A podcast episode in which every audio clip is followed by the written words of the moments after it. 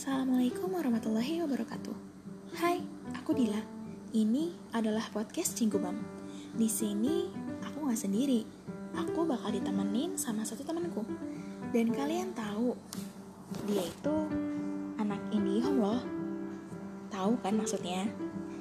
Jadi, kalian bisa nebak dong cerita apa yang akan kita bawakan nanti. Eits, nggak cuma cerita berbau horor atau mistis aja loh. Di sini kita juga bakal bawain berita tentang K-pop idol terbaru. So, terus dengerin podcast Cingubam ya. Malam ya Robun. Wassalamualaikum. Bye-bye.